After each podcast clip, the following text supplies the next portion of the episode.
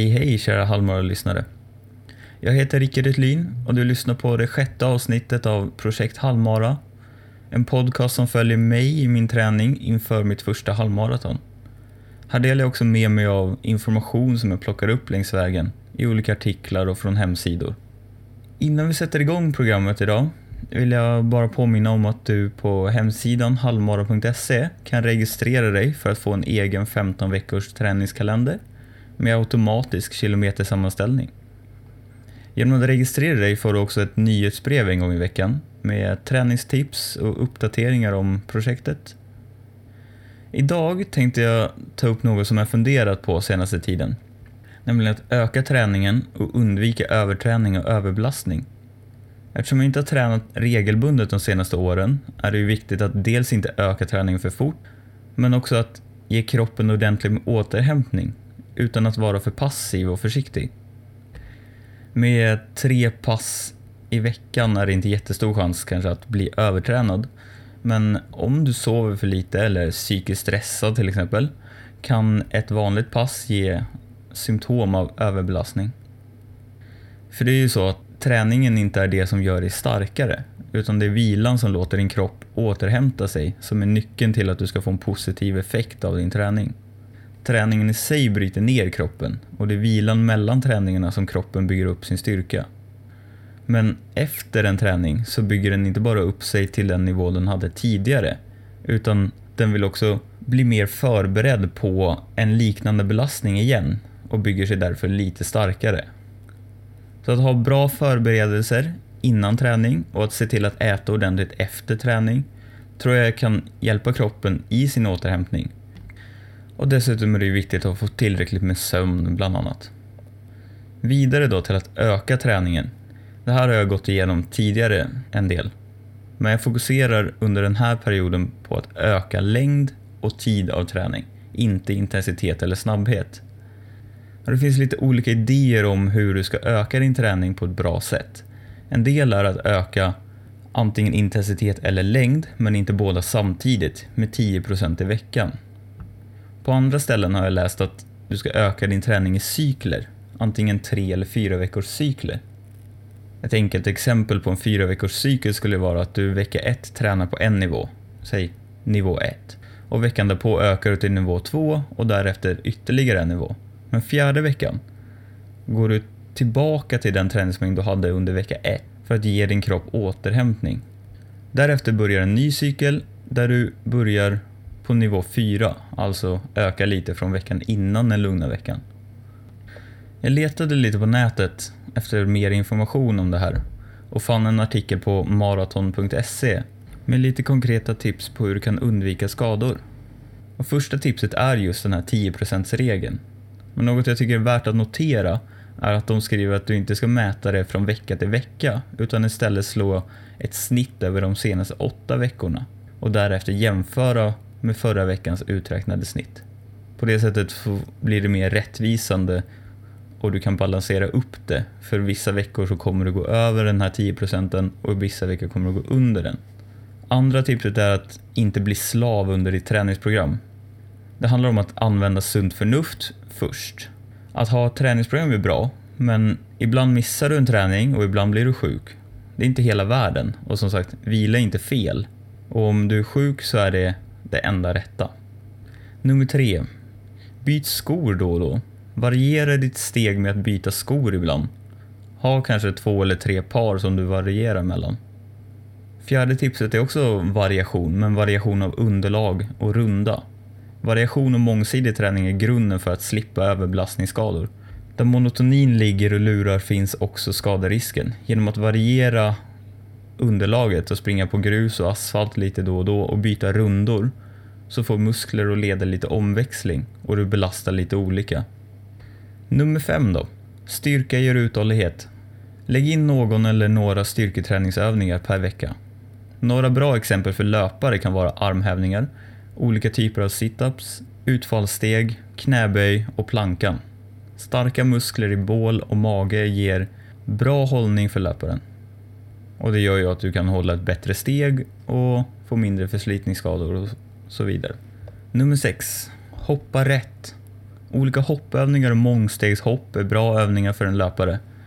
Men hoppa rätt, hoppa på hela foten, inte bara på främre delen av foten. Sjunde tipset är farten dödar. Det menas alltså att minst 50% av passen bör vara på en bekväm nivå. Man ska kunna springa och småsnacka. Distanslöpningen ger bra effekt. Springer du allt vad du orkar i varje pass blir träningen mindre effektiv och dessutom så ger den ökade farten högre belastningar. Åttonde tipset är ät och drick. Planera så att du äter någon av dagens huvudmåltider inom en timme efter träningspasset. Ju fortare musklerna får energi, protein och näring efter träningspasset, desto bättre.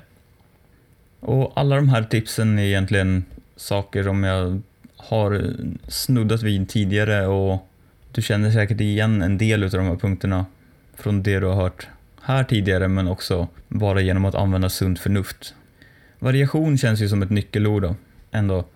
Att variera träningen i sig med olika övningar och olika intensitet men också att se till att springa på olika underlag, olika lutning och gärna också med olika skor. Mångsidigheten minskar naturligt nog risken för överbelastning. Likaså det här med att dra ner tempot på de långa distanspassen som du kunde höra lite om i förra veckans avsnitt.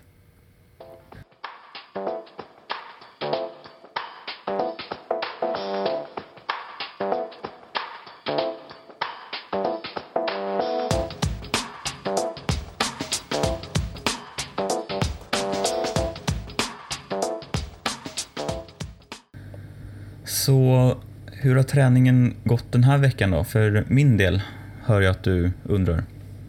Jo, ganska bra. Åtminstone hittills. Jag började veckan med 750 meters intervaller. Jag har valt att ligga kvar på samma antal repetitioner som tidigare, 2 gånger 4 och hellre öka längden på mina distanspass. Det var tredje gången jag körde den här intervallen med samma antal och samma vila. Men den här gången var jag mycket mer noggrann på att vilan bara skulle vara 30 sekunder.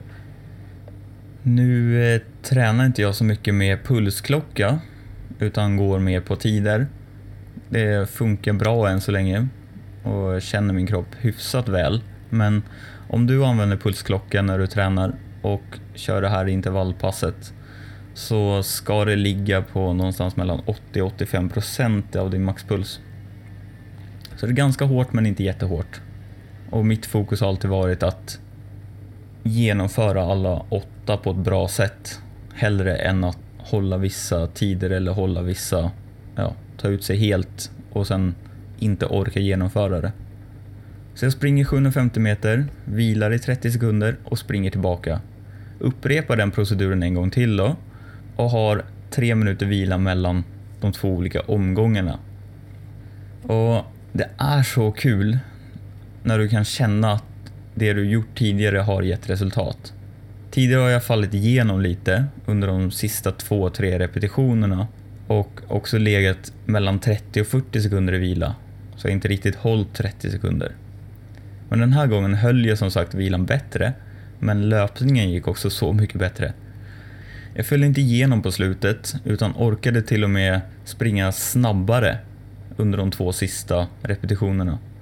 Tiderna var i princip samma som tidigare fast då något jämnare. Så frågan nu är om jag ska fortsätta nöta samma antal nästa gång eller om jag ska öka lite. Kanske två gånger fem. Samtidigt är ju mantrat att skynda långsamt så det handlar om att hitta en balans i det.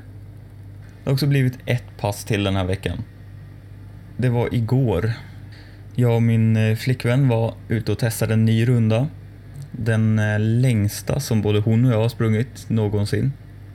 18 kilometer blev det. Och det kändes mycket mer än den 14,5 kilometers rundan jag sprang förra veckan. En del beror nog på att det var mycket mer asfalt på den här banan än på den jag sprang förra veckan och den jag brukar springa. Men också att det är en stor skillnad när du kommer upp i de distanserna och de tiderna. Och särskilt första gången. Vi höll ett lugnt tempo och i dessa pass så är det det bästa du kan göra. Du ska bara göra kroppen och musklerna och lederna vana vid att vara aktiva under så lång tid. Vi sprang den här rundan på ganska precis två timmar och eh, det, det ska inte gå så mycket fortare. Inte när du tränar och inte när du springer den rundan första gången.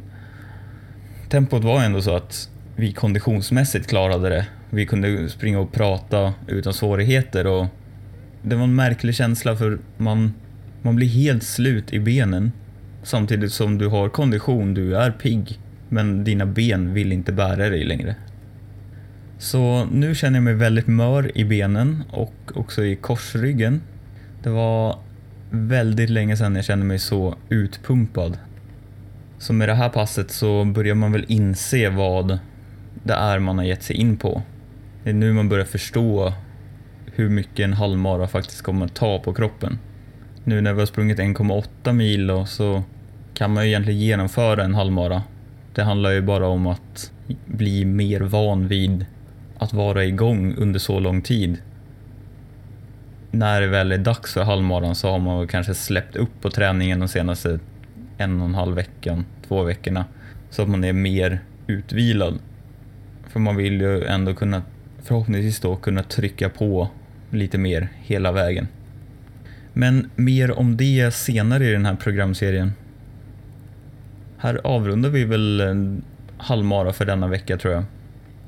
Om du tycker om det du hör och inte redan har gjort det så gå gärna in på iTunes och lämna en recension och sätt ett femstjärnigt betyg. Det uppskattas verkligen och eh, kan hjälpa fler att hitta hit. Till nästa vecka då. Fortsätt plocka kilometer och fortsätt jaga poäng.